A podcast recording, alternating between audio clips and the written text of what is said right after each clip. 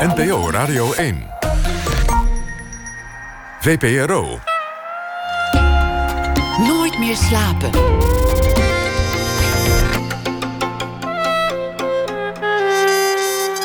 Met Hanneke Groenteman.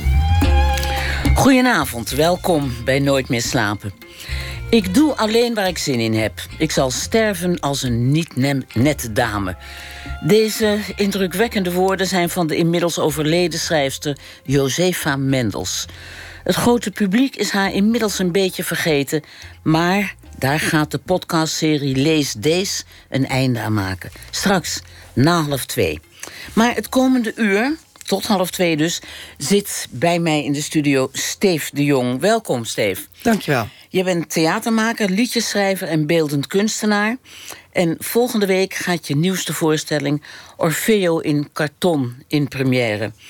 Tot zover de huishoudelijke mededelingen. Mhm. Maar nu komt het lastigste deel van het gesprek, voor mij tenminste. Want ik wil er dit uur zo graag achterkomen hoe jouw kunstenaarshoofd eigenlijk werkt. Dat wil iedereen wel weten. En ik zou het woord operette eigenlijk het liefst willen vermijden. Zal niet helemaal lukken. Maar ehm, ik dacht, misschien is het beste als jij nou eens zelf beschrijft hoe je jezelf wil introduceren. Hoe wil jij de mensen die jou nog niet kennen duidelijk maken wie je bent en wat je doet? Hmm. Hm. Ja, dat is ook altijd heel moeilijk, want ik, ik heb natuurlijk vaak gesprekken met mensen van en wat doe je? En dan probeer ik dat uit te leggen en dat heb ik, is mij nog nooit goed gelukt. Aan iemand die niets weet. Ik zeg altijd, ik ben theatermaker, dat is dan het helderste. Maar ja, En dan houdt het op. Ja, nee, het, is, het, het, het moeilijke is, ik, ik, ik maak dingen. En, de, ja, en, en het, op dit moment in mijn leven is de uitkomst van die dingen theater. Maar ja, ik, ik, het, het is muziek, het is theater, het is eh, beeldend. Ik probeer nog steeds alles. Het is een zoektocht om al die dingen te combineren tot één geheel. Ja. En dan van karton. Dat, nou, dat, in karton heb ik een materiaal gevonden waarin ik zo snel mogelijk iets kan maken wat in mijn hoofd zit. Ja. Als ik zeg. ehm, eh, eh, mijn associaties bij jouw voorstellingen, en ik heb er heel wat gezien, en ik ben een hele grote fan, zal ik meteen maar zeggen. Dus dit wordt niet een fel kritisch gesprek. Ehm, ik denk altijd ten eerste aan de kijkdozen die ik vroeger, waar ik vroeger helemaal gek op was. En ten tweede denk ik aan een waanzinnig mooie. Ik heb een aantal van die pop-up boeken. Zo'n boek wat je opent en waar mijn kleinkinderen helemaal van ademloos van worden. eh, van Cinderella of wat dan ook. Zo'n boek wat je open doet en dan wordt het driedimensionaal. En daar moet ik altijd aan denken bij jou. Voorstellingen. Nou, dat is ook een van mijn grote inspiratiebronnen, de pop-up, het pop-up boek. Oh ja? Ja. En dat, zijn ook, dat deed ik ook op de kunstacademie, maakte ik ook pop-up-achtige installaties.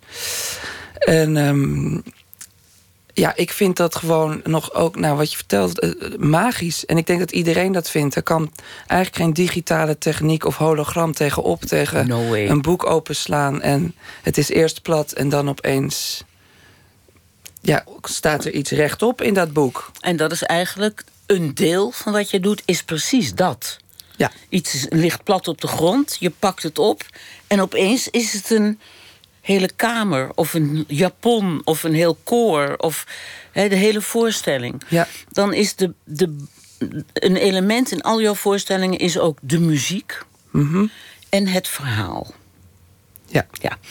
Laten we het even hebben over de première van volgende. De voorstelling waar je nu tot over je oren in zit en nog helemaal aan het werk aan bent. Orfeo, een, een drama in karton. Een drama van karton, Een ja. drama van karton. Ja. Ehm, het is het Orfeo-verhaal, het Orpheus-verhaal. Ja. En ehm, welk verhaal vertel je in deze voorstelling? Ehm, het, nou, ik vert- vertel dus. Het, het- ik, we baseren ons op de mythe van Orpheus. Dus de, de, het, het klassieke verhaal van de man die zijn vrouw Eurydice verliest. Niet zonder haar kan, afdaalt naar de onderwereld om haar terug te vragen. En omdat Orfeo een zanger was die het mooist kon zingen van iedereen, die zelfs dode stenen aan het huilen kon krijgen, kon hij ook de heerser van de onderwereld dus ontroeren. Zodat die heer zegt: Je mag je vrouw terug op één voorwaarde. Dat als jullie teruglopen naar het leven, naar de bovenwereld, dat je niet naar haar omkijkt. En op het allerlaatst kijkt hij toch om en verliest hij haar alsnog. Dat is de mythe in een, nood, in een notendop eigenlijk. En over die mythe is ooit de eerste opera gemaakt in 1607. Van Monteverdi, Monteverdi. Hè? Ja. Maar uh, eigenlijk bijna alle eerste operaatjes die zo in Italië ontstonden... waren versies van dit verhaal. Omdat het natuurlijk gaat over dat muziek... iets bovennatuurlijks zou kunnen, kan. Wat ook klopt natuurlijk. want je kan het, het kan je een gevoel geven wat je niet kan omschrijven. En een metafoor zou kunnen zijn dat het de doden tot leven zou kunnen wekken. Of dat het zelfs harde stenen aan het huilen zou kunnen krijgen. En um, omdat uh, ja, ik bezig ben in, in mijn zoektocht als maker naar het genre muziektheater uitpluizen. Om het woord uh, operette nog maar te vermijden. Dacht ik, dan ga ik ook beginnen bij die oorsprong... waar het muziektheater eigenlijk uit ontstaan is. Ja. En uh, dat was gewoon voor mij de, het beginidee om hiermee aan de slag te gaan. Ja. Nou, heb jij het woord uh, gebruikt, hè? Operette. Ja. ja. En, um, en, en, en dat, dat, dat hangt iets aan jou wat ik niet helemaal terecht vind. Ik, bedoel, ik weet dat jij een ongelofelijke liefde hebt voor dat muziektheater, de opera en zelfs het, het iets lichtere genre van de opera waar jij je gelukkiger bij hebt gevoeld. Mm -hmm. Je hebt die, die Orpheus-mythe al een paar keer verwerkt in een voorstelling. Al één keer eerder, ja. Met het Orkest van het Oosten heb ik dat gezien. Ja. Daar vertel je ook met wat decorstukken erbij voor dat grote orkest. Ook die prachtige muziek. Daar heb ik de, de, de, de Offenbach. De Offenbach-versie. En dat Ja. is eigenlijk een parodie op het Orpheus-verhaal. Daar gaat alles net andersom. Dat was ook van hem een parodie op, eh, op, op de Grand Opera van toen. Het was een stuk uit 1850. Een heel curieus voorloper van eh, de lichte opera. En die heb ik eerst gemaakt. Dat was eigenlijk als soort. Dat had ik als proeven gemaakt als aanloop naar deze voorstelling. Dat was helemaal niet de bedoeling dat dat een voorstelling zou worden. Maar ik dacht, laat ik nou eens eerst beginnen met dat stuk uit te pluizen. Als soort vooronderzoek. Dat werd per ongeluk een voorstelling. Toen dacht ik, nou, nu moet ik die andere Orfeo ook nog maken. Die al op planning stond. En eigenlijk is het mooie daarvan, nu ik de hele lichte kant, de parodie, de lol van het verhaal heb ge- ge- gedaan. Een beetje de ironie. De ironie, Ja, ja. eh, de draak ermee steken, gewoon Ja. lachen. Is eigenlijk heel fijn, want daardoor kan ik me nu op het drama van het, de ernst van het verhaal storten. Want wat wordt deze Orfeo? Wat, wat wordt de toon van deze? Ernstig, Ja? toch? Eh, de, de, ik denk dat het tot nu toe misschien qua toon de ernstigste voorstelling wordt die ik heb gemaakt.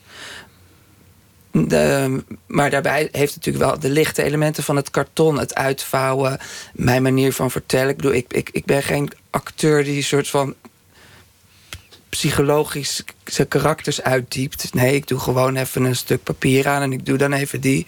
Dus dat blijft het. Maar Met maskertjes het, en maskertje. in elkaar geknutselde schepen en dingen. Ja, Ja, precies. Maar de, de, daaronder ligt wel de ernst van dat verhaal. En waar ik, ja, hoe ik dat verhaal heb uitgeplozen. En waar, waar ik, wat ik daarin zie en wat ik, wat ik graag wil vertellen. Wat natuurlijk ook, ja, het is voor de radio allemaal zo moeilijk uit te leggen. Maar wat natuurlijk ook niet uit te vlakken is jouw eigen présence in die voorstelling. Je staat daar altijd als een beetje, zo zie je er ook een beetje uit, een beetje neurderige jongen. Een beetje met een verwonderde uitstraling. Alsof je zelf. ehm, en, en toch ehm, roep je altijd een beetje een lach op. Je ziet er ernstig uit, maar intussen denk ik zit er toch ergens die tong in cheek in. En dan heb je ook nog een heel arsenaal aan stemmen in huis. Van hoog tot laag. Ja, nou, eh, vooral, vooral dat. Ik heb vooral dat ik eh, de hoogte in kan met mijn stem. En laag niet echt. Met, dus daar kan ik altijd mee spelen. En ja, ik denk dat... Kijk, ergens ben ik altijd mezelf op, dat, op het toneel. En ehm, ik vind het ook leuk om mensen aan het begin een beetje op het verkeerde been te, te zetten natuurlijk. Dat ze denken, nou wat is dat nou voor jongen? Wat gaat er nou toch gebeuren?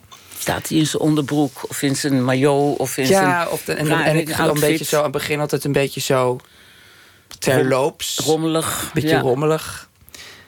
Maar en, en ehm, ja, ik moet het hebben van dat ik er zelf, dat ik gewoon zin heb om het te vertellen.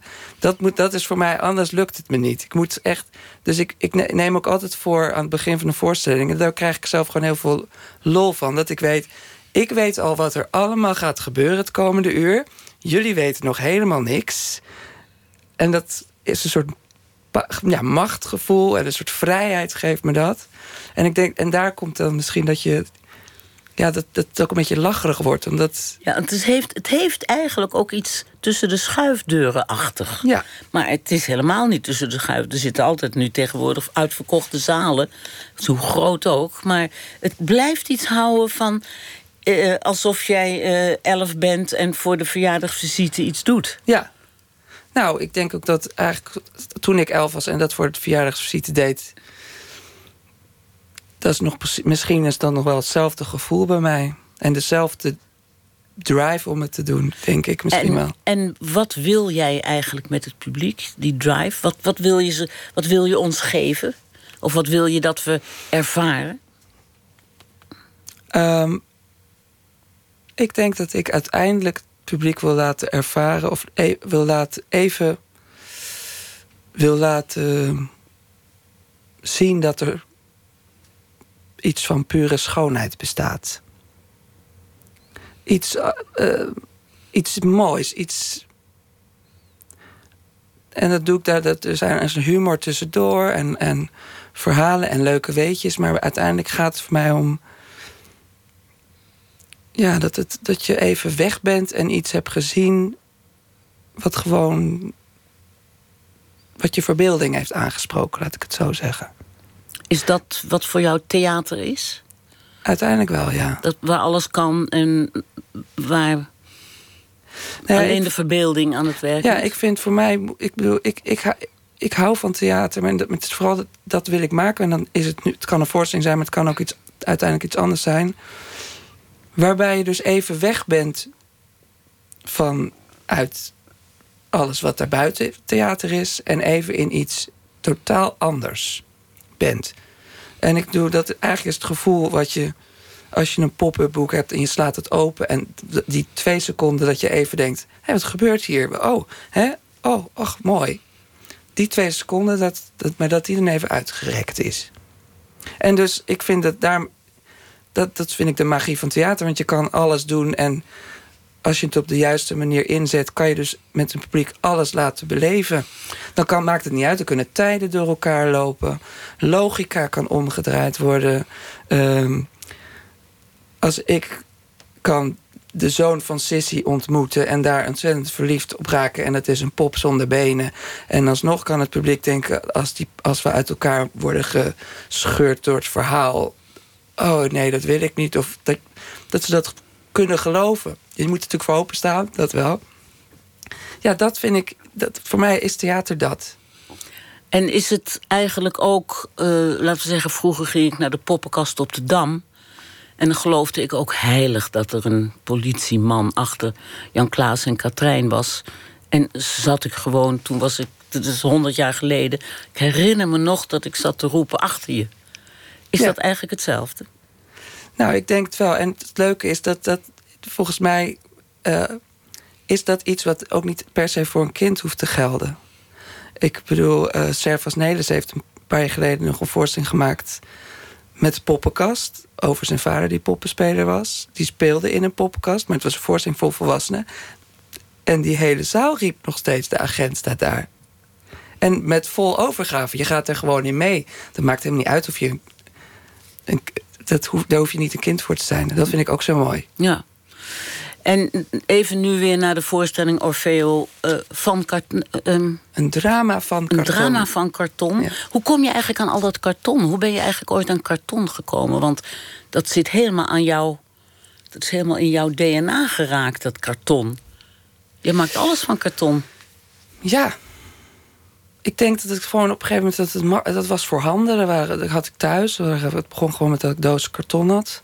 Maar het, het- en dat, je kan er zo makkelijk, je kan een knip, je kan er snijden. Je hoeft niet meteen helemaal in een zaagmachine. Je hoeft niet helemaal meteen af te tekenen netjes. Je kan er gewoon op en als het mislukt pak je even een ander stukje. Waar haal je al dat karton? Waar, waar komt dat vandaan, al dat karton van Nou, jullie? Want- inmiddels echt, eh, echt eh, zeg maar pallets bestellen bij eh, een verpakkingsbedrijf. Oh, echt? Ja. En, en dat plakband waar je het mee plakt, dat is, is dat ook speciaal karton plakband? Want het zit allemaal zo ingenieus in elkaar. Ehm, nou ja, ehm, het- dat, daar begon het mee. Kartonkleurig tape. Maar ben ik niet zo, toch niet zo tevreden over. Want als je dat schildert, gaat dat een beetje weer rafelen.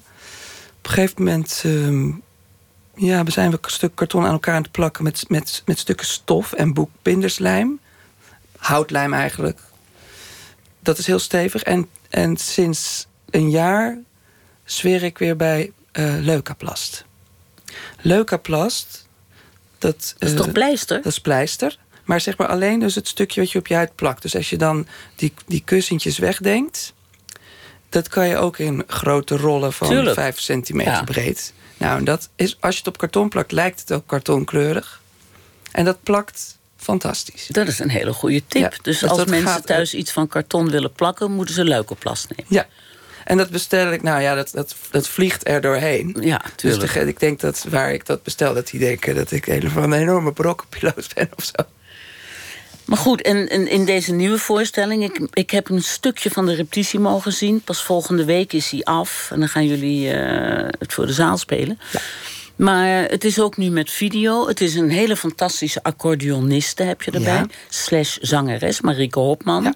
En spe- ze speelt ook gewoon Ze mee. speelt We- gewoon mee. We spelen het met z'n tweeën. Ja. En dan heb je nog twee eh, oude hulpen. Ja. Die alles doen technisch en alles aanreiken en aanpassen. Twee inspeciënten. Inspeciënten. En dan eh, staan er in jullie atelier staat eh, Nina, een vrouw die staat alles in elkaar te prutsen en te doen en te maken wat uit jouw hoofd komt. En weer iemand anders die maakt allemaal kost, quasi kostuums van Ja. lappen en karton en weet ik wat allemaal. En dan de Ina natuurlijk nog, die het En allemaal... dan de eh, regisseur Ina Veen. En dit alles heet groots en meeslepend, hè, dat bedrijf. Ja. Waarom heet het eigenlijk zo? Het is de eerste voorstelling die Ina en ik met z'n tweeën maakten. Die heet De grootste en meest slepend wil ik leven. En waar ging die over? Ja, dat was, eh, dat was eigenlijk mijn eerste voorstelling in deze, in deze vorm.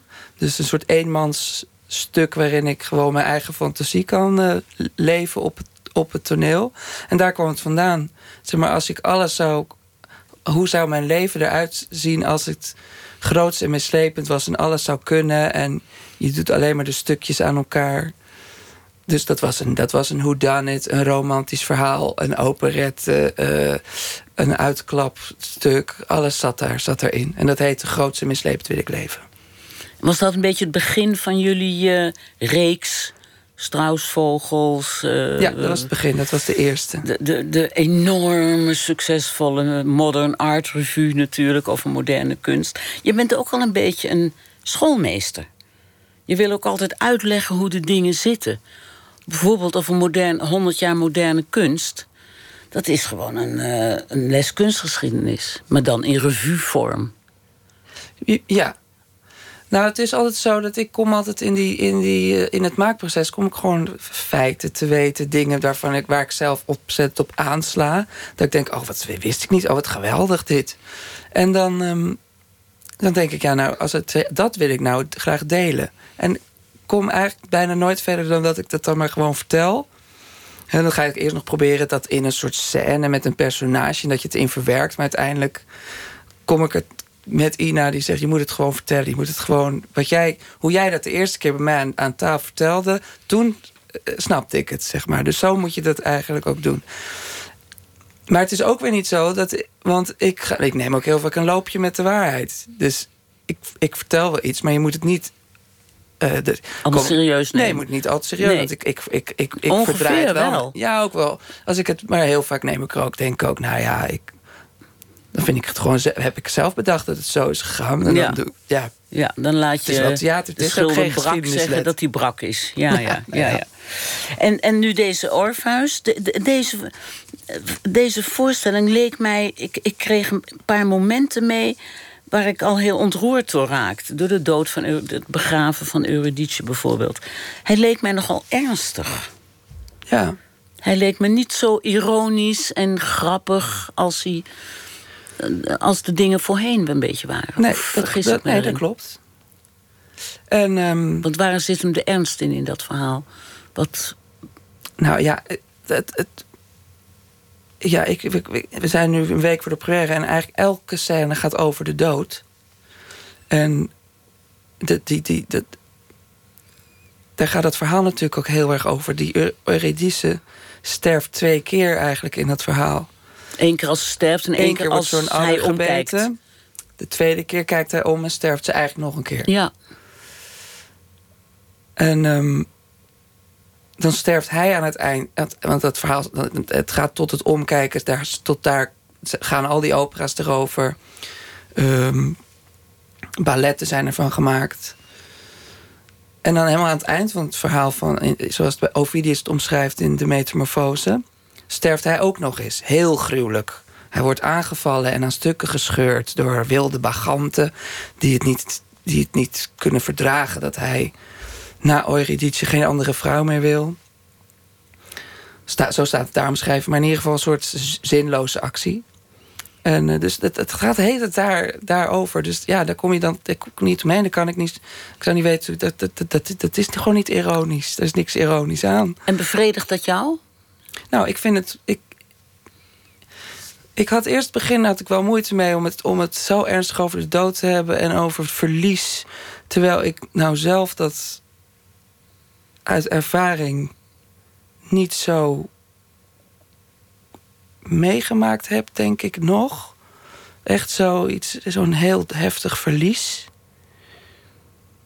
Maar toen ik dus dat verhaal las en het aller, al- het, echt het einde van het verhaal, waarin het hoofd van Orpheus in zee wordt gegooid.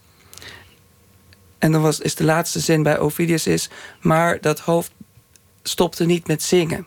Toen dacht ik, aha, nou kan ik het, dat is, daar, moet het, daar wil ik dat het Hier over kunnen gaat. we iets mee. Daar kan ik iets mee. Want dat gaat dan over iets anders. Namelijk dat de, dat de schoonheid eh, alles kan overwinnen. Of dat hoe lelijk alles om je heen ook kan zijn. Of de wereld, het altijd, die, die schoonheid is echt is, het is niet kapot te krijgen. Of Zo'n associatie heb ik daarmee. En dat, ja, en dat, hoop, dat soort van dat hoopvolle idee, dat zit natuurlijk, ook al is die voorstelling ernstig, maar dat hoopvol, die hoopvolle gedachte heeft ook een ernst. Dat zit eigenlijk door de hele voorstelling heen. Ja. Zullen we even een heel klein stukje laten horen van, van jouw stem?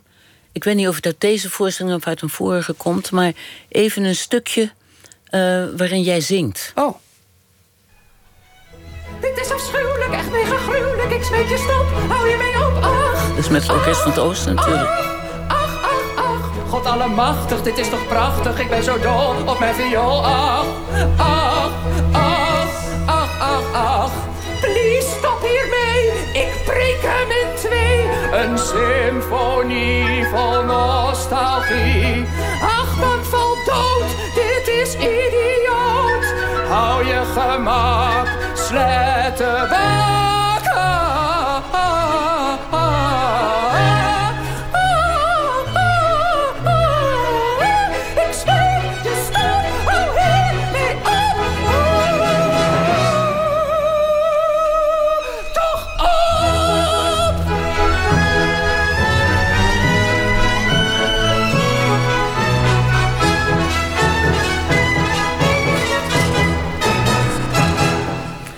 Dit was uit die voorstelling met dat Orkest van het Oosten, hè? Ja, ja. Dat je met je props en je decor dingetjes voor dat grote orkest stond. ja, hier had ik eigenlijk een, een, een, een stuk karton aan. Ja. Als een kostuum. En dat klapte de hele tijd om. En dan speelde ik dus verschillende personages uit eh Offenbachs versie van het Orpheus-verhaal. Ja. Ja, en dit is. Kijk, dit. Dit op deze manier zit in die nieuwe voorstelling eigenlijk niet op deze manier, denk ik. Dit is. Ja, dit is gewoon om, om, om, om te lachen. Ja. Dit zijn twee, hier, probeer, hier doe ik gewoon een duet tussen een man en een vrouw... en ook behoorlijk overdreven. Maar het kan toch bijna niet anders dat ook in deze Orfeo... dat je de hele tijd iets van een glimlach krijgt. Al is het maar door alle spullen die je doet. Ja. Die eigenlijk het hele verhaal licht maken. Ja. Terwijl het een zwaar verhaal is. Nou, dat is ook wel de bedoeling. En er komen ook wel heel veel personages in voor... die, ja, die gewoon eh, gek zijn of raar. Of... Ja, dus ik, het, het, zou, het, het mooiste zou zijn als het echt eh, op die twee gedachten leunt. Of op die twee elementen. Het, het lichte en het ernstige. Maar hij zal ietsje meer naar het ernstige toe. En toch ook wel weer een drama van grote gevoelens. Hè? Want volgens mij ben jij ook wel een oerromantisch iemand. Ja, Die, Nou. die toch de mensen met een soort hangerig soort gemoed wil betoveren in die zaal. Ja, en dat is, komt ook, dat is ook voor mij dat echte theater. Dus eh, ik, ik, ik, ik vind al die. Het, het, de, de, de, het, de grootste gebaren wat uit de opera's komt, maar ook het grote gebaar van. Ja, gewoon een enorm romantisch lied zingen of over eh, de eenzaamheid zingen. Ja, dat, daar, daar hou ik gewoon heel erg van. Ja.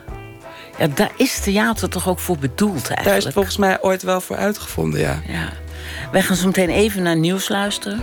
Maar daarna komen we sterk terug. Oké. Steve de Jong, nooit meer slapen.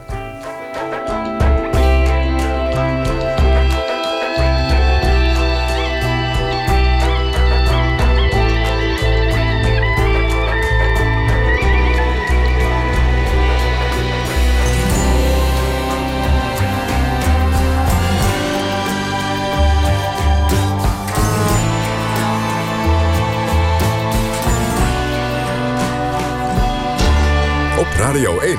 Het nieuws van alle kanten. 1 uur, Levi van Eck met het NOS-journaal. Nederlanders gaan steeds minder op wintersportvakantie. Aan het begin van deze eeuw gingen 1,1 miljoen Nederlanders naar de sneeuw. In 2016 waren dat er 866.000. Dat is een daling van zo'n 20 procent, meldt het CBS. Wat verder opvalt is dat skiën minder populair wordt... terwijl wandelen juist meer in trek raakt. Een belangrijke reden waarom mensen minder op wintersportvakantie gaan... is mogelijk de prijs. Een wintersportvakantie is nog altijd duurder dan een zonvakantie. Er is onrust ontstaan onder het korps commandotroepen... na verklaringen van commando Marco Kroon... over het doden van een Afghaan in 2007. Het tv-programma Nieuwsuur zegt dat uit de verklaringen ook zou blijken...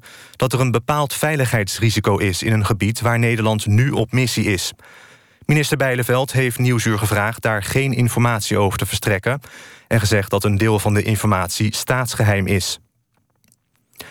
Een oud-topadviseur van president Trump heeft schuld bekend aan samenzwering en het geven van valse verklaringen in het Rusland-onderzoek van de FBI. Rick Gates was adviseur van Trump tijdens de verkiezingscampagne. Hij heeft het vermoedelijk op een akkoordje gegooid met speciaal aanklager Robert Mueller, nadat gisteren nieuwe aanklachten tegen hem bekend waren gemaakt over witwassen en belastingontduiking. Bij het Internationale Rode Kruis zijn sinds 2015 28 mensen ontslagen of vertrokken vanwege seksueel wangedrag, waaronder prostitueebezoek. Ze hebben gehandeld in strijd met de gedragscode van de hulporganisatie, staat in een verklaring. Het is alle medewerkers verboden om te betalen voor seks, ook op plekken waar prostitutie legaal is. Het Internationale Rode Kruis verbiedt prostitueebezoek omdat het in strijd is met de waarde en missie van de hulporganisatie. Het weer, de minima liggen vannacht tussen de min 3 en min 6 graden. De komende dag is het vrij zonnig en wat sluierwolken... en mogelijk is het in het noorden eerst wat lage bewolking. Het wordt 2 tot 4 graden met een koude noordoostenwind. Dit was het NOS Journaal. NPO Radio 1. VPRO. Slapen.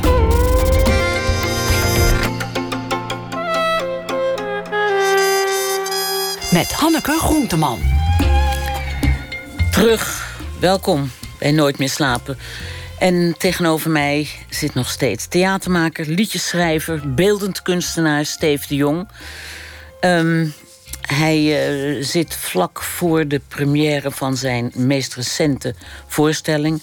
Orfeo, een drama van karton. Gaat volgende week in de toneelschuur. Natuurlijk de toneelschuur, want dat is de thuishaven van uh, Steef. In première. En ehm, nou ja, hij. Uh, ik, ik, ik, weet niet of niet inmiddels iedereen al weet wie die is, maar.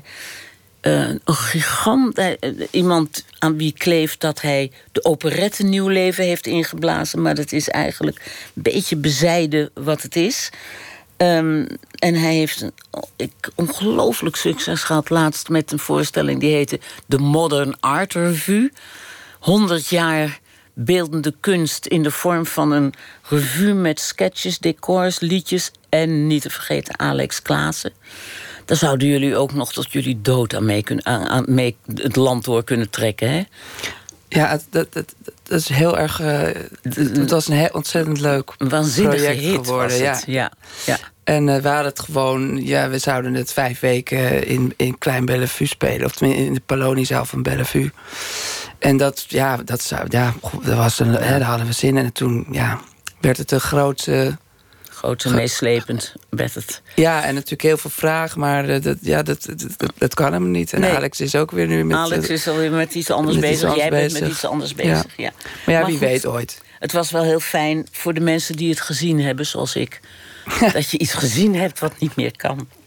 Ehm, we hebben het eh, het eerste uur gehad over eh, de, magie van theater, jouw gevoel daarbij, jouw wens om de mensen mee te nemen in die magische wereld die theater heet. En we hebben het gehad over pop-up boeken en kijkdozen en poppenkast. En eh, natuurlijk ook over opera en operette en het Orfeo-verhaal. Ehm, maar de vraag die bij mij altijd, als ik jouw werk zie en jouw voorstellingen, hoe werkt dat hoofd van jou?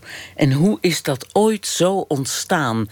De vorm dat je eigenlijk in je eentje, soms met mensen erbij, zoals nu, maar eigenlijk in je eentje een totale wereld creëert van verhaal, muziek, waanzinnige decorstukken, eh, attributen die uitklappen en steeds andere verbeeldingen oproepen. Wanneer, hoe is dat ooit ontstaan? Wanneer was dat voor het eerst dat je dat deed? Ja, nou ja, in deze vorm natuurlijk niet zo lang, maar ik ben denk ik wel altijd fantasierijk geweest. Ook als jongetje eigenlijk? Ja, ik denk het eigenlijk wel. Ja, ik, ik ben wel altijd. ehm, ik was wel altijd aan het knutselen en dingen aan het maken. En eh, ja, weet je, ik, mijn, mijn- ik mocht van mijn moeder maar eens in de zoveel tijd een nieuw rolletje plakband bijvoorbeeld. Want dat ik dat ik deed dat. Ik, ik, zij zei altijd: het lijkt wel of je het opeet. Oh ja? Dus ik was altijd ermee bezig. En als ik. Ja, en. eh, Wat maakte je dan? Weet je nog wat je vroeger op de kleuterschool of daarna maakte? Nou, nee, maar ik weet bijvoorbeeld wel dat ik gewoon al vaak iets maakte wat ik eigenlijk eh, wilde hebben, bijvoorbeeld. Dus als, als ik dan iemand zag met een fototoestel, dan wilde ik ook een fototoestel, maar dan, dan maakte ik een fototoestel. Ja, die deed het dan natuurlijk niet, maar dat maakte het mij helemaal niet uit, want die foto's kon ik ook zelf wel maken, of tekenen of doen. Dus op zo'n manier was ik wel, als ik terugken, ik altijd wel een beetje aan het knutselen en aan het maken. Dat is dan nog geen theater.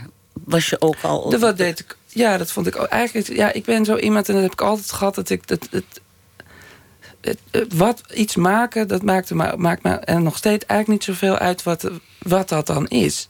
Want ik, er stond bij ons thuis een piano, dus daar, ging, daar speelde ik op en dan ging ik op pianoles. En als we op school, ehm, op, de, op, de, op de basisschool konden wij kiezen één keer een halve dag in de week of godsdienst of humanistisch vormingsonderwijs. Wat een leuke keuzes. Ja, dat was bij ons op de basisschool. Ik ging dan naar het humanistisch vormingsonderwijs.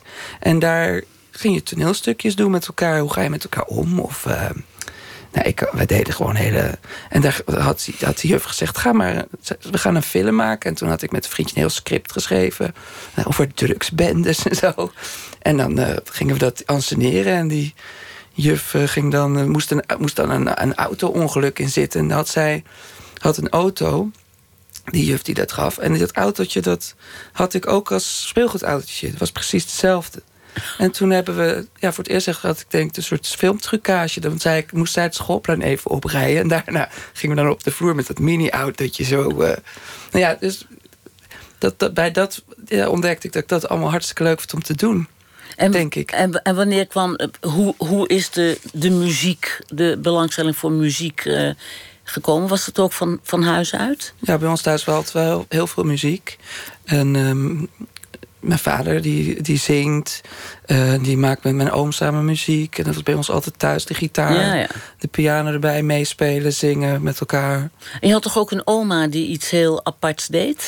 Ja, mijn oma is uh, acrobate geweest. Acrobate? Ja. Die is van, heeft van uh, 1935 tot 1940, van haar 15e tot haar 20e, heeft zij met een um, ja, een, een, een beroemde acrobatische act heeft zij door Europa getoerd. Wat knap. En ze acrobateerde zelf ook. Ze acro, acro... Zij was, ze deden Icarische spelen. Ja? Dus uh, die, dat echtpaar, Duits echtpaar, lag op hun rug. en die gooide mijn oma met hun voeten over. Dus mijn oma ging een soort bal, bal door de lucht. En um, ja, dat is een heel... heel en, en uh, die heb je niet goed gekend, Jawel, hè? Tot, ja? nog wel tot mijn zevende of tot mijn achtste. En wij wisten ook wel dat oma acrobaat was geweest. Dus dat zeiden ook wel als oma doe nog eens een acrobaatje en dat soort dingen. En dat deed ze nog, dat kon ze nog als ja, oma. dan, zette ze, dan ging zat ze later op de bank en dan zette zij gewoon beide benen zo tegen de muur. Achter ons. Wat een ongelooflijk leuk gezin daar zeg. Ja. Was dat de moeder van je vader of van je moeder? Van mijn vader, ja. Ja. ja. En dus thuis muziek en zo. En jij knutselde zo je schooltijd door. En wanneer dacht je... Ik, ik wil gewoon ook eigenlijk leven van. Of ik wil doorleren in de kunst. Ja, ik heb toen op een gegeven moment heel lang uh, de droom gehad... dat ik acteur wilde worden. En... Um, dus toen ben ik na de middelbare school geprobeerd naar de toneelschool te gaan. Daar werd ik niet aangenomen. En toen ondertussen was ik ook alweer aan het schilderen. En toen ben ik met die schilderijen naar de Rietveld Academie gegaan. En waren hele lelijke schilderijen eigenlijk van allemaal poezen en katten en dat soort dingen. Ik, was nog helemaal niet, ik, wist nog helemaal niet hoe of wat of waar het vandaan wat ik moest doen. Wat ik, ik wilde iets maken, maar er zat nog niet iets achter. De bron had ik nog, nog helemaal nee, niet maar gevonden. alle olifantenpaadjes werden wel al een beetje gelegd dus, hè? Ja, en ook een beetje zo... Knutselen en een beetje willen muziek maken, een beetje willen optreden. Toneelschool werd het dan niet. Nee, en het is natuurlijk ook zo dat je... Kijk, ik kan nu... Ik doe nu wat ik doe, omdat ik op een gegeven moment gewoon... dan durf je te zeggen, hé, hey, eigenlijk vind ik dit heel erg mooi. Toen ik natuurlijk 17 was en er uh, acteur wilde worden, had ik natuurlijk zoiets, had ik natuurlijk een idee dat je een wat een acteur was en uh, dat, dat dat toneelspelen dat, hè, dat, dat dat, dat was het of zo. En, uh, en pas veel later durfde ik misschien toe te geven... Hey, maar misschien ja, ja, musical en zingen en zo. Dat, ja, dat vind ik eigenlijk hartstikke mooi. En uh, dat, dat, dus, ja. dus dat is allemaal langzaam gekomen. Wij moeten even naar Pyongyang. Oh. Weet je wat daar aan de hand is in Pyongyang? Ja, dat zijn ze aan het sporten. En, zijn ze sporten. Uh, Edwin Cornelissen weet daar vast alles van. Edwin, ga je gang. Ja, goeienacht. Goedenacht. Goedenacht. Uh, ja, wij zitten bij het uh, snowboarden. De reuze parallelslalom heet het uh, onderdeel. Met een Nederlandse deelnemster erin. Haar naam is Michelle Dekker. de wedstrijd is als volgt in elkaar. Om een gooi naar het goud te doen moet je eerst een kwalificatierun overleven. Twee runs waarin je een goede tijd moet neerzetten. Dan gaat de top 16 door en dan krijg je de knock-out fase. En voor Michelle Dekker wordt het dan een hele klus om die kwalificatierun te overleven. Ze is op dit moment de langzaamste op haar koers. En ze heeft nog één kans om een wat snellere tijd neer te zetten. Maar het wordt een lastig verhaal voor de Nederlandse die dus lang heeft moeten wachten. Tot uh, de voorlaatste dag van de Olympische Spelen. Eigenlijk had ze al twee dagen geleden in actie moeten komen. Maar die wedstrijd is toen opgeschoven door uh, de weersomstandigheden hier in uh, Pyeongchang. Baalde ze wel van, want ze was er helemaal klaar voor. En de vraag is natuurlijk in hoeverre dat haar een beetje uit balans heeft gebracht. De andere kant van het verhaal is dat de reuze parallelslalom niet echt haar specialiteit is. Ze is vooral goed op de parallelslalom, maar dat onderdeel is niet meer olympisch. Dus ze heeft het ermee te doen. Ze zal blij zijn als ze deze uh, kwalificatieronde overleeft. Als ze door mag naar de knock-out fase. Maar daarvoor zal ze nog wel alle zeilen moeten bijzetten. Oké, okay. heel veel succes. Dankjewel Edwin. Dankjewel. Heeft ook wel iets moois, hè? Zo dat snowboarden en dat slalom in die witte sneeuw. Hè? Ja. Toch? Zeker. Dat is Ik toch vind het ook... zo'n grappig idee dat ze dat dan nu aan het doen zijn daar. Ja, nu op dit moment. Nu op dit moment, As dat we hier speak. midden ja. in de nacht. Midden in de nacht zijn ze aan het eh, snowboarden. Aan het laatste, laatste worden in het snowboarden. Maar goed, wij waren even bezig met veel belangrijke zaken, vind ik. Hoe jij bent gekomen. Hoe al die ingrediënten in die kookpot zijn gekomen. Van eh, Ja. muziek, de acrobatische oma... het knutselen van fototoestelletjes... en het autootje van je schooljuffrouw... en de Rietveld Academie. En toen ben je nog een theateropleiding gaan doen. Ja. Dus op een of andere manier was je wel aan het koersen... naar waar je nu bent. Ja, en het, die, die, ah, de weg die ik af heb gelegd is eigenlijk... eh, ja, dat was vrij hobbelig. En heel, ik vond het heel ingewikkeld. De Rietveld Academie vond ik ook heel ingewikkeld. En eigenlijk DAS-arts, die, die opleiding die ik daarna heb gedaan... vond ik ook nog ingewikkeld. Was je ook ongelukkig toen? Mm, nee, ik was niet ongelukkig. Had je het gevoel dat je naar een bestemming aan het fietsen was? Nou, ik had gewoon, ik voelde, ik had, ik, ik wilde heel graag dingen maken, maar ik, ik die, je moet om echt, ik denk dat je moet een soort vrijheid hebben om dat te kunnen doen. En, ik, en die, had ik, die kon ik niet vinden. En dat kwam met mee te maken op die, op, die, op die opleiding altijd. En dan gaat het opeens over concepten. En eh, waarom doe je iets en wat zit erachter? En de hele die waarom vraag. En de hele tijd, ik had het idee, ik moet tijd maar iets maken met mijn gedachten. En ik moet het over nadenken. En eh, nou ja, en eigenlijk wat ik nu doe, zit veel meer op het gevoel. En veel meer vanuit een soort drive en een soort beelden. eh, Maar je En- bent en- er ook veel meer mee samengevallen nu, hè? ja, en ik vond het ook heel moeilijk om dingen te combineren toen nog. Dus dat was het op de Rietveld Academie was het weer beeldende kunst. En, en dan had ik daarnaast wel, eh, trad ik wel eens op met liedjes. En ik had ook nog wel een theatergroepje mee, waar we wel eens voorstellingen mee maakten. Maar al die dingen combineren vond ik nog heel moeilijk. En ook op DASarts was dat nog ingewikkeld zelfs. En eigenlijk pas toen ik daarna toen had, was ik afgestudeerd op, me- op, op die theateropleidingen. Toen had ik inmiddels het muziektheatergenre ontdekt. Hoe heb je dat ontdekt? Ja, ik ging tijdens die opleidingen in Amsterdam... ging ik heel vaak voor eh, studentenkorting... la- last minute tickets voor de opera. Want dat, was Naar de echte grote naar de- mensenopera. Ja, naar de echt grote... Ja, echt het, dus de, de, de, de, de, de nationale opera. Vond je dat mooi? Ja, dat vond ik dus indrukwekkend en geweldig. En toen ik dat zag, dacht ik... Dit, dit is het. Hier komt voor mij alles samen...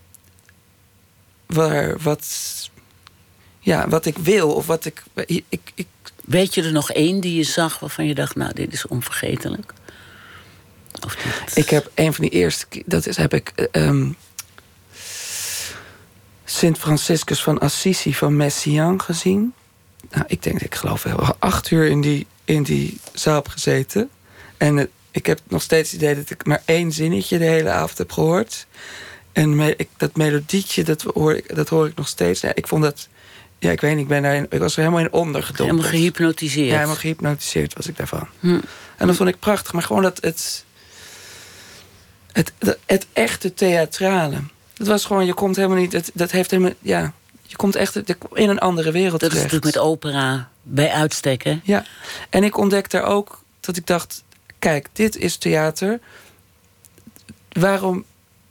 Eh, mensen zingen namelijk tegen elkaar. Ze praten niet met elkaar, ze zingen met elkaar. Dat is al zo'n stapje uit de realiteit. Wat ik zo heel prettig vind. Ja. En dat probeer ik dus ook... Ja, dat Maar je bent toch me. eigenlijk terechtgekomen in, in het genre waar snobs hun neus voor optrekken. De opera, dat zit vol snobs.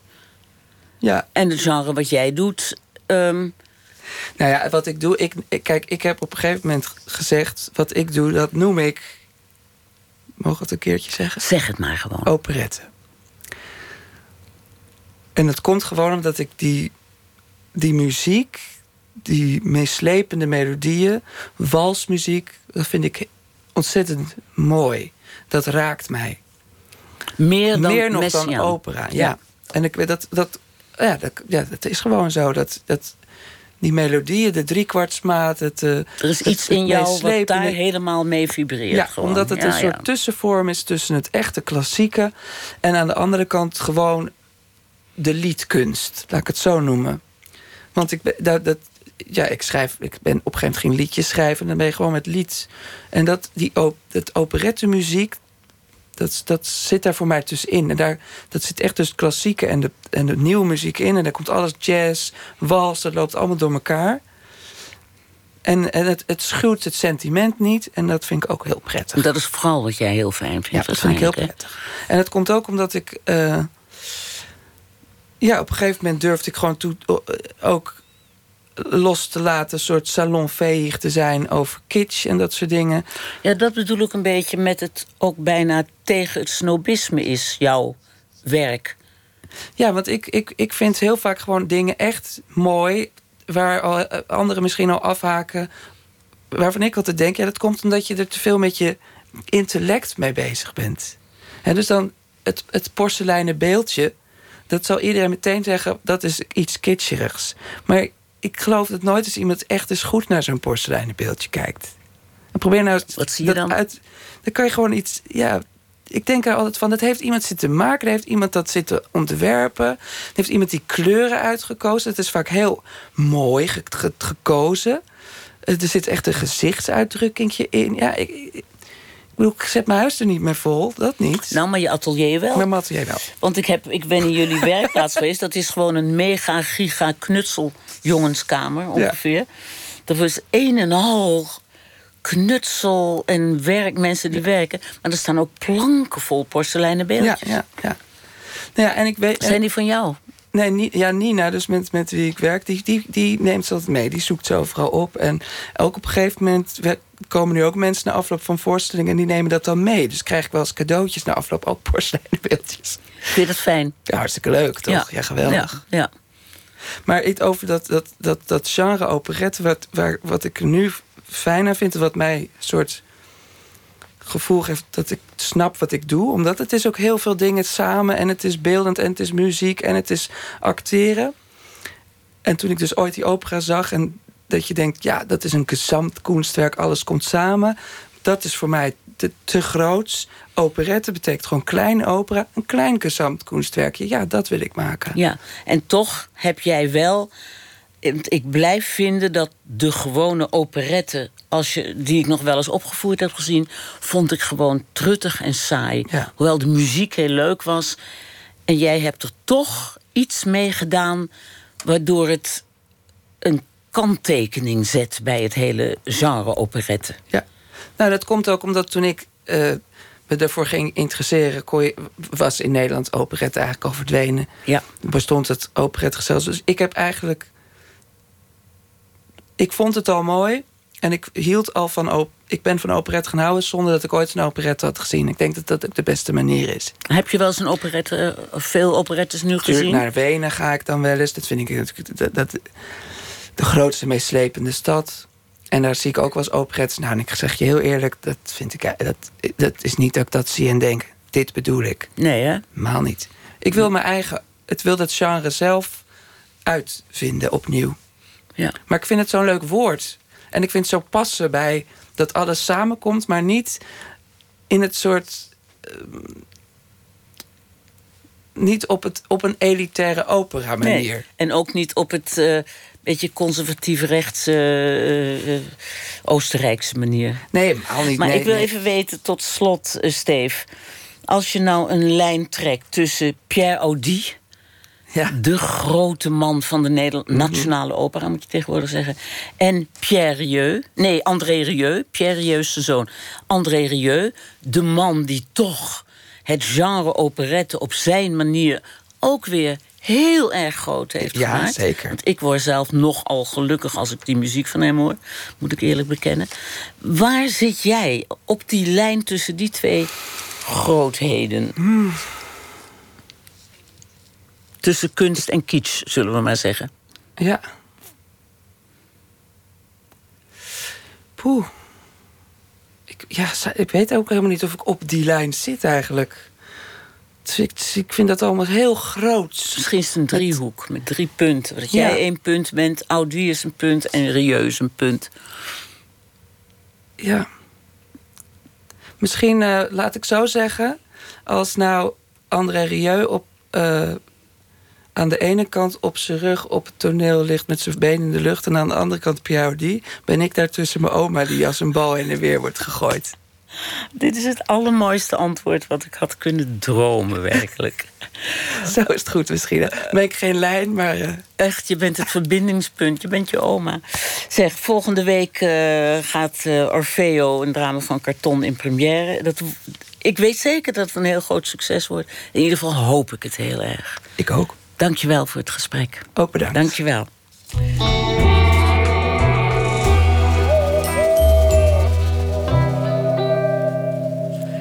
En uh, we gaan even door met een stukje hele andere muziek.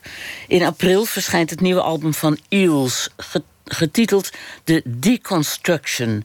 De band zal komend voorjaar ook Nederland aandoen. En wij draaien het titelnummer Eels Deconstruction.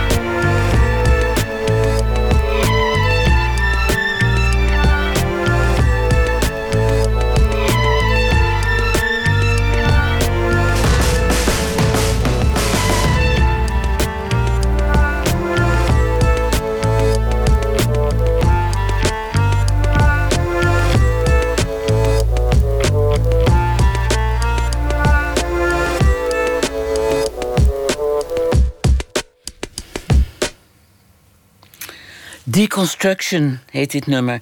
En het werd uh, gebracht door Eels. Nooit meer slapen. Met de actie Schwab zet het Letterenfonds in samenwerking met boekhandels en uitgeverijen vergeten auteurs in de spotlights. En Nooit meer slapen haakt daar graag bij aan door de podcast Lees Dees uit te zenden. Dit keer staat schrijfster Josefa Mendels centraal. De schrijfster overleden in 1995, die nergens bij wilde horen. Niet bij de Joden, niet bij de feministen en niet bij de schrijvers. Podcast Lees Dees. Met vallen en opstaan is vanavond in het Amsterdamse Concertgebouw voor het eerst de Anna Bijnsprijs uitgereikt aan de 84-jarige Josefa Mendels. De Anna Bijnsprijs is een onderscheiding voor vrouwelijke auteurs. Dit is Lees Dees, een podcast van de VPRO en de actie Swap... over bijzondere boeken en schrijvers die de top 10 meestal niet halen. Ik ben Anton de Goede. In deze podcast behandel ik die boeken omdat ze meer aandacht verdienen rijp zijn om herontdekt te worden. En daarom gaat het deze keer over de bijzondere Josefa Mendels. Een feministe noemt mevrouw Mendels zichzelf liever niet. Toch schreef ze in de 40er en 50er jaren al boeken... waarin de vrouw een zelfstandig wezen is dat zich losvoelt van tradities. Vijf schrijfsters stonden kandidaat voor de prijs. Uiteindelijk werd gekozen voor mevrouw Mendels. Het vestigen van een nieuwe literaire traditie van vrouwen... en het herkennen van onze voorgangsters daarin... is het doel van de Anne Stichting. Met Josefa Mendels als eerste winnares van de Anne Bijnsprijs zijn wij dan ook zeer gelukkig. Haar dissidentheid en haar anders zijn als vrouw zijn in haar werk en in haar leven evident. Haar dissidentheid en haar anders zijn als vrouw zijn in haar leven en werk evident. Al dus Ellie de Waard, nu 32 jaar geleden. Het was 1986 en toen beleefde Josefa Mendels een succesvolle periode. Maar ze is jarenlang ook vergeten geweest. Zonder twijfel, dankzij uitgeverij Cossé, beleeft het werk anno 2018 opnieuw een revival. Zometeen gaan we Eva Cossé horen en ook schrijfster Roos van Rijswijk, voor wie Mendels lezen een eye-opener betekende.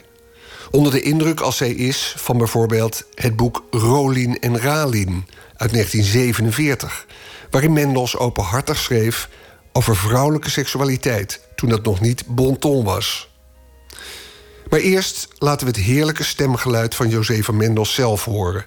Het VPRO-archief bevat een gesprek van Ad Fransen met haar. Dat werd uitgezonden in het programma Boeken van 13 mei 1986. Ook rond die uitreiking van de Anne Bijnsprijs dus. De schrijfster was 84. Het interview vond plaats in Parijs. Ik ben een onbewuste feminist. Ik heb mijn leven feminist. Ik heb mijn leven nooit aangesloten bij iets.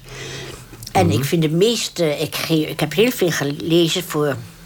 Voorgelezen laatst nog in Groningen. Voor de... Uh, voor ook feministisch allemaal. Dat zijn heus leuke vrouwen eigenlijk wel. Maar als ze zo verschrikkelijk begint... Een keer wilde mijn zoon mee naar binnen op een congres. En ook op een, een, soort bijeenkomst allemaal van vrouwen... waar ik moest spreken. En hij mocht niet naar binnen om een foto te maken... omdat hij een man was. Nou ja, dat is... Uh, ik, ik ben niet altijd... Een andere keer heb ik dus... Uh, ik ben niet zo feministisch, nee. Mm. Ik zo ben ik geboren. Ik ben geboren door, uh, doordat ik uh, vriendinnen erg leuk vond. En er waren drie zusjes. En er kwam nooit een jongen bij ons over de vloer. Je wist helemaal niet wat een jongen was. Vroeger wist je dat niet. Dat, dat, werd je, niet je werd niet ingelicht ook verder. En ik had één neef, en dan vond ik een Engert, zei je toen. een Engert. Helaas is hij door de moffen weggehaald. Dat was een hele begaafde jongen, ook journalist. En dan had ik een andere, die was zo dik. En zo, dat kon ik niet, die kon niet uitstaan. En verder had ik geen... Had u aversie voor mannen dan, of zo? Had u een soort aversie voor mannen? Nee, helemaal niet, dat is het juist. Ah. Dus, dat kunnen ze niet begrijpen. Je, moet een man haten. Je moet een man haten. Waarom zou ik een man haten? Ik vind mannen reuze leuk. Uh-huh. En ik, een wereld zonder mannen zou ik stom vervelend vinden. Er zijn net zoveel vervelende mannen als er vervelende vrouwen uh-huh. zijn, denk ik. Uh-huh. Maar eh, zonder, uh, zonder de charme van een man heb ik nooit geleefd. Maar daarom ik begrijp van feministen. Ik zeg altijd, eh, dan zitten ze zo in de zaal en dan zitten ze elkaar te zoenen en alles meer. Ik zeg, God, doen jullie nog niet zo aanstellig? Denk je nou dat je, dat, omdat je lesbisch bent, wat ik heel goed begrijpen kan, en, en dat moet je zelf weten. Maar eh, als je lesbisch bent, maar daarom hoef je toch niet allemaal te denken dat je feminist... dat heeft toch niks met feminisme te maken. Dan praat ik even over mijn jeugd over Aletta Jacobs ja, ja. uit Groningen. Dat die het kiesrecht voor de vrouw heeft klaargespeeld. Dat is feminisme. Dat zijn prachtige dingen.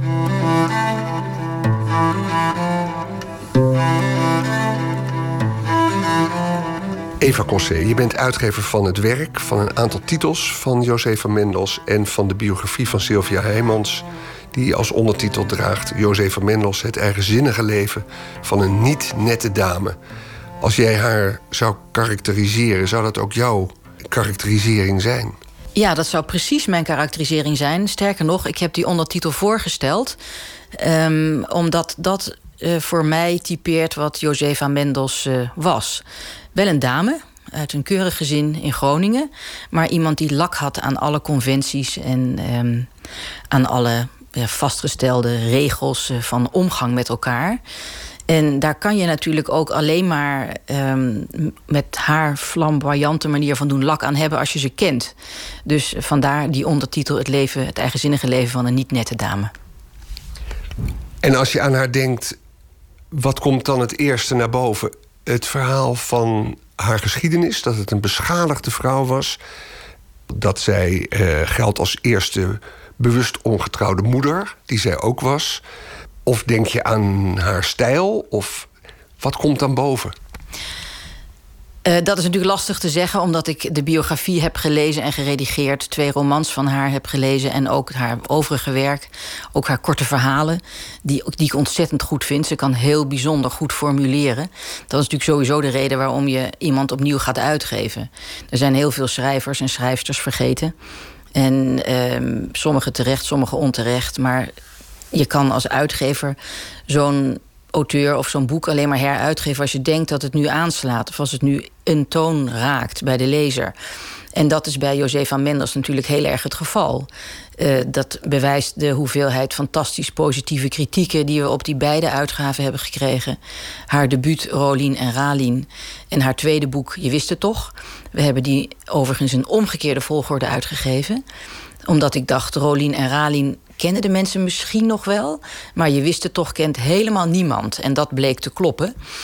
En uh, Je wist het toch is voor mij ook een heel bijzondere roman omdat ze daarin haar eigen leven beschrijft, maar dan haar ervaringen toedicht aan haar mannelijke hoofdpersonage. En de, vrouwelijke hoofdpersonage is zoals de, haar mannelijke toenmalige lover, die ze haar hele leven heeft gehad. Dat is nog steeds geen antwoord op je vraag. Want de antwoord op je vraag zou moeten zijn... wat mij fascineert aan het werk van José van Mendels... en aan de persoon van José van Mendels... is dat zij alles omdraait. En dus het is toch eigenlijk wel een antwoord op de vraag. Uh, zij heeft lak aan die regels, ze heeft lak aan die conventies en, uh, en draait het om, het mannelijke en het vrouwelijke. Zij gedraagt zich eigenlijk als een vrij gevochten man, zou je zeggen. Een vrij gevochten vrouw bestond toen nog bijna niet. Zij heeft affaires bij de vleet. Uh, zij heeft er geen enkel probleem mee om het met een getrouwde man te doen. Ook geen enkel probleem mee om met een oudere getrouwde man te doen. Niet dat ik dit nu zit te propageren, maar vooral het Um, het gemak waarmee dat uh, lijkt te gaan... en ook de vanzelfsprekendheid waarmee deze vrouw voor zichzelf... dat allemaal heeft opgeëist... Um, dat, vind ik, uh, dat vind ik heel bijzonder. José van Menlos was in 1981 te gast... in het populaire Varen TV-programma van Sonja Barend. Waarom woont u in Parijs? Omdat ik uh, zin had om erheen te gaan. Ik heb tien jaar lang maatschappelijk werk gedaan. En zong altijd. Ik ging altijd kamperen en ging zondags met die meisjes uit. En s'avonds kwam ik weer thuis en dan zong ik Wees jong, de aard ligt open. Maar dan keek ik in de spiegel. Ik was toen 34 jaar en ik werd al aardig grijs. Dat is helemaal weggegaan, dat grijs. Ja. en toen, ik had 300 gulden geërfd van mijn vader. Toen ben ik naar Parijs gegaan om journaliste te worden... met een kaart van het Kampernieuwsblad. Ja. U bent uiteindelijk schrijfster geworden. Wist u dat al, uh, zeg maar, op jeugdige leeftijd, dat u dat wilde? Ja, dat wist ik. Want vanaf mijn achtste jaar heb ik geschreven. Als ik uit school kwam, dan ging ik schrijven. Uh, mijn eerste boek heette De Kinderen van mevrouw Staphorst. Meneer kwam in het tweede hoofdstuk onder de tram. Toen konden de kinderen lekker met de moeder lezen.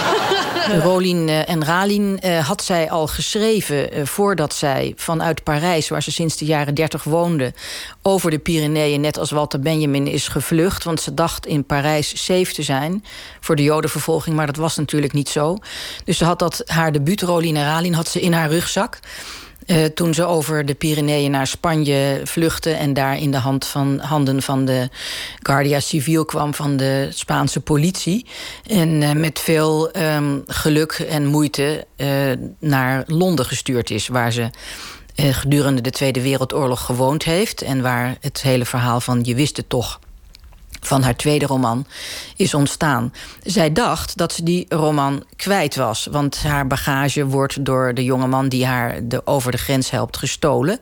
Dat bleek niet zo te zijn. Ze bleek nog een kopie te hebben. En, of iemand in Nederland bleek nog een kopie te hebben. Dus ze heeft hem toch weer uh, kunnen bemachtigen. En heeft hem opgestuurd naar een Nederlandse uitgever. Die er niks van wou weten. Want die vond het weird en uh, die vond het vreemd en die vond het uh, niet passend. Dus daar komen we alweer bij dat niet nette. Uh, haar, haar debuut, Rolien en Ralien, ja, speelt ook zeg maar, in de setting van haar eigen jeugd. Gronings gezin, twee oudere zusjes. en het jongste zusje is Josefa, lees Rolien. En uh, die twee oudere zusjes die zijn, hebben een heel goede ja, ver, verbond, zou ik bijna zeggen. Die laten dat jongere zusje een beetje links liggen. En dat jongere zusje heeft dus niet het natuurlijke speelkameraadje wat die twee oudere zusjes hebben. En dat creëert ze eigenlijk in dat boek door een alter ego ja, te, te maken, te bedenken, te fantaseren. En dat is Ralien. Dus Ralien is eigenlijk haar, haar tweede stem, haar, haar niet bestaand maatje.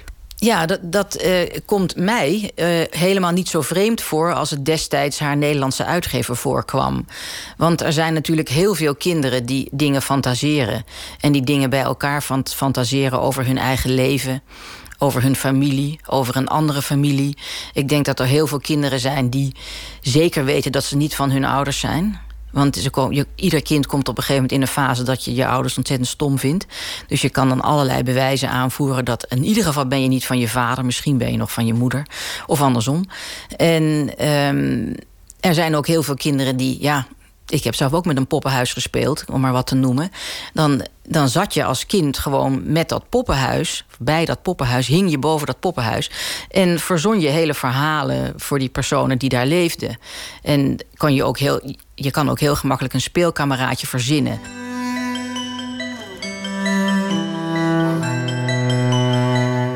Met een intense toewijding keert Rolien na deze reeks ervaringen met levensspeelgoed weer tot haar poppen terug. Al dit tijdelijk verachte zemel, hout en steen brengt haar opnieuw in de onbegrensde wereld van de verbeeldingskracht. Deze terugkeer wordt des te opmerkelijker omdat zij haar spel vanaf dit ogenblik bewust speelt. Niet het speelgoed overheerst, maar een andere, nauw verwante Rolien die zich telkens tussen haar denken en doen dringt. En in het geheim noemt zij haar Ralien, dicteert haar tweede ik. Ik denk in boekentaal. Met deze woorden tracht zij die stem aan haar moeder te verklaren. Als ik Dora's haar kam, dan zegt iemand in me... Nu nam zij de kam, kamde het lange zwarte apenhaar van haar lievelingspop. Het was mooi weer en dus zette ze haar een lichtblauw mutsje op. Ik word er zo moe van, klaagde ze een andere keer. Want ik ga ook al in zinnen dromen.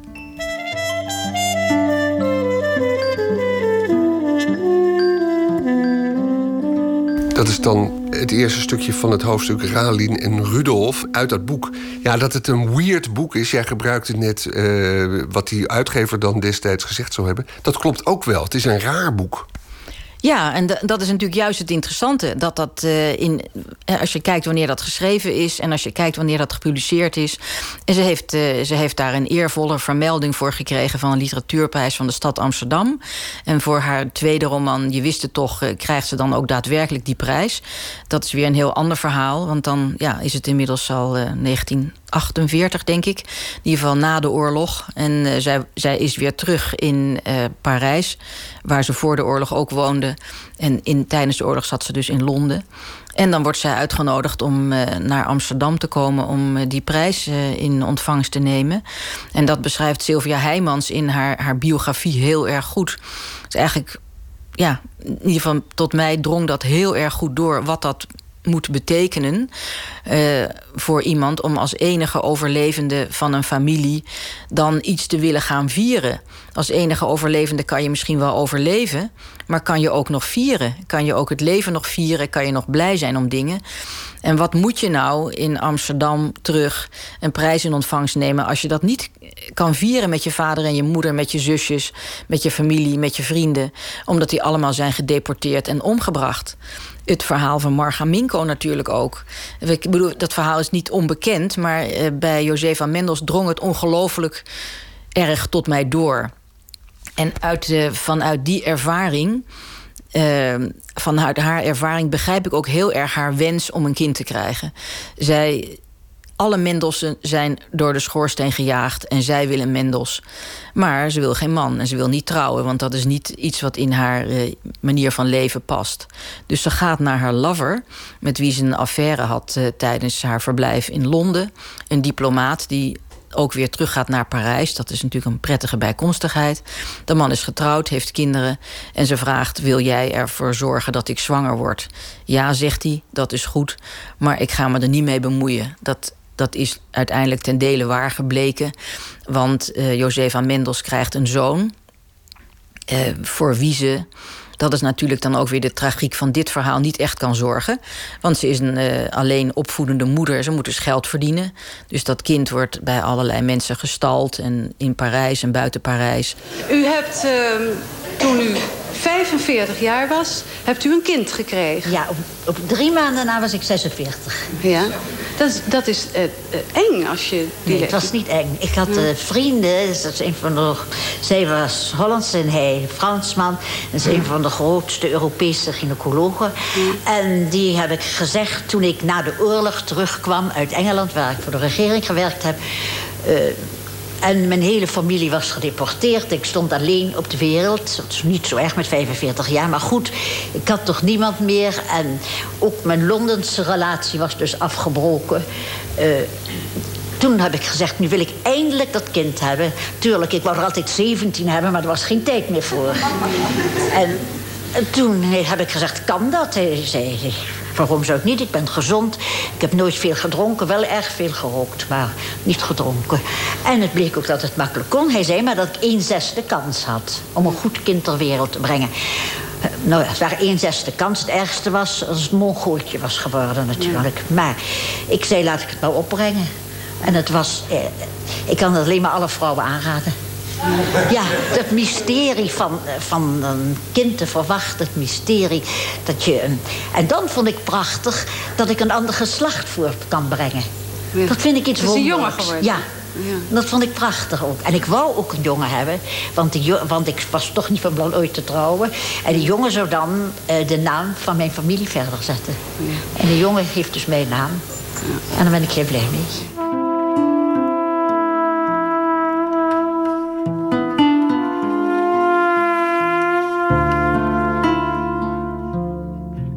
Het mooie is dat de missie van Eva Cossé... om Josefa Mendels weer in de belangstelling te zetten, aanslaat. Bij de lancering van de biografie liepen schrijvers van nu... zoals Marjolein van Heemstra en journaliste Margriet van der Linden... warm voor Mendels boeken. Onder hen ook schrijfster critica Roos van Rijswijk... die een nawoord schreef in de heruitgave van Rolien en Ralien... Nou ja, er zijn uh, ongetwijfeld, ik kom er nu niet op, wel meer uh, verhalen en boeken over uh, kinderen met bijvoorbeeld een fantasievriendje. maar in dit boek gaat dat echt ver. Dat, dat, de, die Ralien, die is bijna vleeselijk aanwezig. Die, die heeft ook echt invloed op het leven van Rolien, ook nog als ze volwassen is. Uh, dus, dus, dus Mendels die is net even wat verder gegaan uh, dan uh, een onschuldige kinderfantasie. en ook in het taalgebruik, de woorden die ze zelf verzint, die, die, die in haar proza staan alsof ze heel vanzelfsprekend zijn ja, wederom weet ik niet of ik een goede term gebruik hoor, maar het komt vrij zintuigelijk over. Uh, dus dus, dus de, echt die indrukken van de kindertijd, hoe ze bepaalde dingen van de volwassen wereld niet begrijpt, maar wel voelt wat ermee bedoeld wordt. Zij wordt op een gegeven moment gekust als klein meisje door volgens mij een notaris. En ze weet dat het niet in de haak zit, maar ze weet ook niet waarom het niet in de haak zit. Uh, uh, en dat is ontzettend knap. En het tweede deel, dan is ze volwassen en dan gaat ze affaires aan met mannen en uh, dan verhuist ze. Dat is wat ja, afstandelijk zou ik het niet willen noemen, maar, maar wat, wat ja, meer een verslag misschien, maar nog steeds met van die bizarre conversaties erin. De dialogen zijn ook heel gek, die komen heel plotseling. Mensen zeggen ook hele gekke dingen. Um, maar er is wel een. Je ziet het ook in recensies, als ook nu, uh, als het boek besproken wordt, uh, dat er altijd gewezen wordt op het verschil tussen het eerste en het tweede deel. Uh, en het is ook wel raar, het is bijna een stijlbreuk, maar ja, ik vind het ook wel fijn eigenlijk. Ja, Ro Rolien gaat naar haar juffrouw toe. Ze staat voor de deur van haar schooljuffrouw. en ze is totaal onder de indruk van die vrouw. Lees Ja. Uh, de, de verloofde van, van uh, haar juffrouw, uh, die, die doet de deur open als, als Rolien voor de deur staat. en die doet de deur ook weer dicht, want die gaat de juffrouw even halen. Ik kom direct met juffrouw Balto terug. En hij sluit die suite-deur achter zich juist een moment te laat... voor dat wat hij voor Rolien heeft willen verbergen. Een onopgemaakt bed en Clara Balto in een roze onderjurk voor de spiegel, haar veertien krullen opspeldende. Clara Balto met naakte blanke armen en vreemd donker haar in de okselholte. Verward zoekt zij verband tussen haar spelletje dat niemand anders in de wereld kent, het temperament van de gestorven acrobaat van Rosie, de geweldige knieën van juffrouw Vola, de notaris die nog niet wist wat hij doen zou als zij tien jaar ouder was en de gedeeltelijk ontklede onderwijzeres naast dat slordige bed. Als die dan in een donkerrood fluwelen kamerjapon binnenkomt, zegt zij dat Rolien haar in haar siesta gestoord heeft. Van siesta gaat zij over tot andere vreemde woorden, Rolien al dus op haar gemak stellend. Zij schenkt thee in dunne kopjes en zet een schaaltje neer waarop langwerpige koekjes met zacht roze glazuur. In tegenstelling met haar gewone gulzigheid durft Rolien er nu nauwelijks een te nemen. Lust je ze niet? vraagt juffrouw Balto. Oh ja, zegt Rolien. En terwijl zij voorovergebogen langzaam met het puntje van haar tong over de gladde suikerlaag glijdt, vindt zij, op, opkijkend, datzelfde zachte roze op de wangen van haar onderwijzeres terug. Heb je ooit gehoord van een kind dat zin heeft een schooljuffrouw te zoenen? plaagt Ralien. In hoeverre speelt het eigenlijk mee voor Roos van Rijswijk als zij Josefa Mendels leest dat zij het werk van een vrouw leest? Het zou een deel van de charme van de boeken kunnen zijn, maar het is niet de reden waarom ik uh, een boek lees. Uh, het, is, het is zo dat ik op een gegeven moment wel dacht: God, ik lees eigenlijk bijna alleen maar witte mannen. Laat ik daar eens wat aan doen. Dus toen ben ik meer vrouwen gaan lezen. Meer witte vrouwen? Ja, meer witte vrouwen gaan lezen. ik probeer het wel een beetje te verspreiden over uh, continenten en, enzovoorts. maar ik, ik in principe is het feit dat een boek geschreven is door een vrouw voor mij niet een reden om het op te pakken. En, en ik denk ook, kijk, het is wel. Zij heeft natuurlijk die eerste Anna Bijnsprijs gekregen. En uh, volgens mij heeft Elsbeth Etty daar een heel mooi stukje over geschreven in een boek over schrijvende vrouwen. Um, namelijk dat het heel dubbel is, zo'n literaire prijs dan alleen voor vrouwen. Um, aan de ene kant dan wordt het weer, wordt, worden de vrouwen weer een aparte diersoort. Uh, aan de andere kant, dankzij zo'n prijs, gaat zo'n uh, Mendels wel uiteindelijk de geschiedenisboeken in. En, en wordt ze nu weer uh, nou ja, afgestoft, klinkt een beetje oneerbiedig, maar herontdekt. Het gaat als maar in golven natuurlijk. De, dat is ook wel iets belangrijks om, om te beseffen. Maar ik denk ook dat. Dit, dit boek, de boeken van Mendels worden ook altijd erg met haar persoon verbonden. Hè? En, en in in het nawoord dat ik voor Rolien en Ralien heb geschreven, probeer ik ook een beetje te bepleiten om dat, om dat, lo, om dat los te laten. Uh, niet omdat, het, omdat je een boek altijd totaal losgezongen van een auteur moet zien. Dat kan bijna niet. Je hoort iemands stem erin. Uh, alleen in dit geval vind, vind ik het bijna zonde uh, dat in bijna alle besprekingen, alles wat over dit boek gezegd wordt en nu ook weer, en ik doe het ook vaak, wordt altijd naar het leven van Mendels zelf verwezen, waardoor de literaire waarde van dit boek uh, een beetje ondergesneeuwd dreigt te raken. Uh, en terwijl die is er gewoon.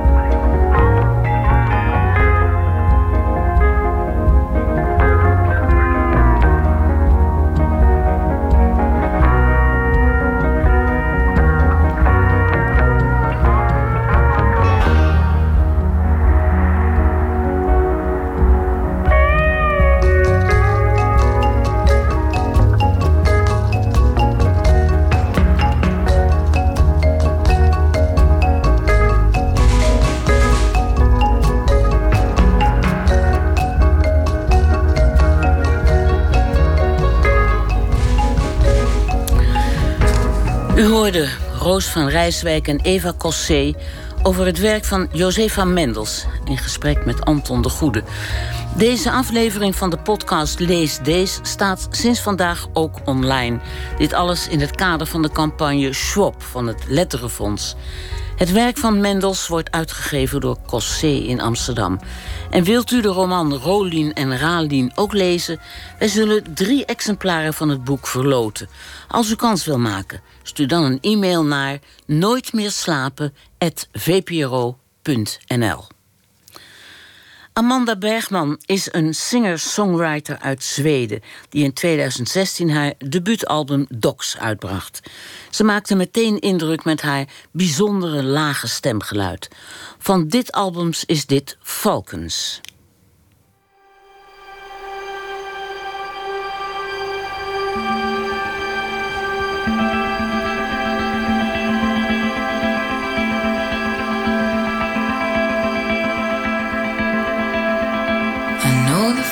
Fire slow, lock and leave it go.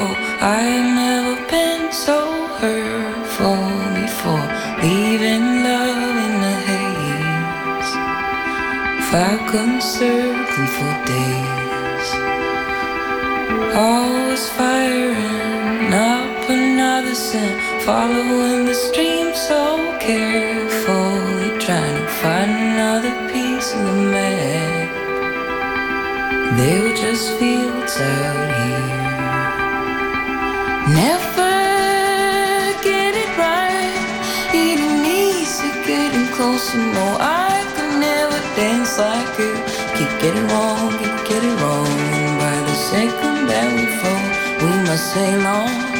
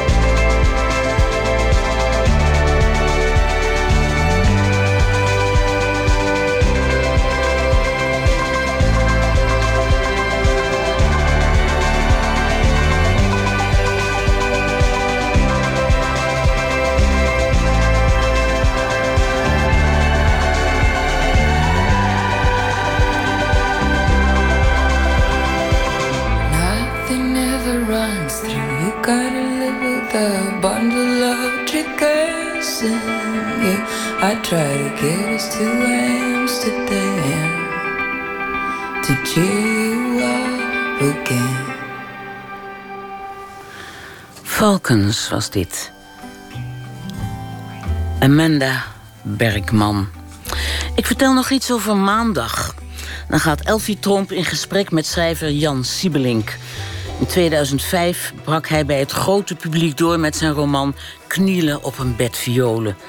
Twee belangrijke thema's uit zijn werk zijn de bloemenkwekerij als het verloren paradijs uit zijn jeugdjaren en het duistere geloof van zijn vader. Ter ere van zijn 80ste verjaardag verschijnt nu het boek De Bloemen van Jan Siebelink, waarin 109 planten en bloemen uit Siebelinks schrijversuniversum zijn verzameld.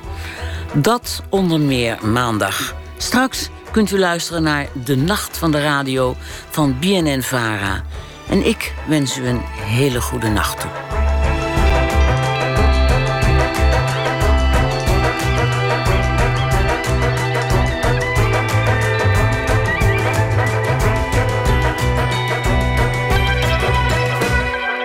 Radio 1, het nieuws van alle kanten.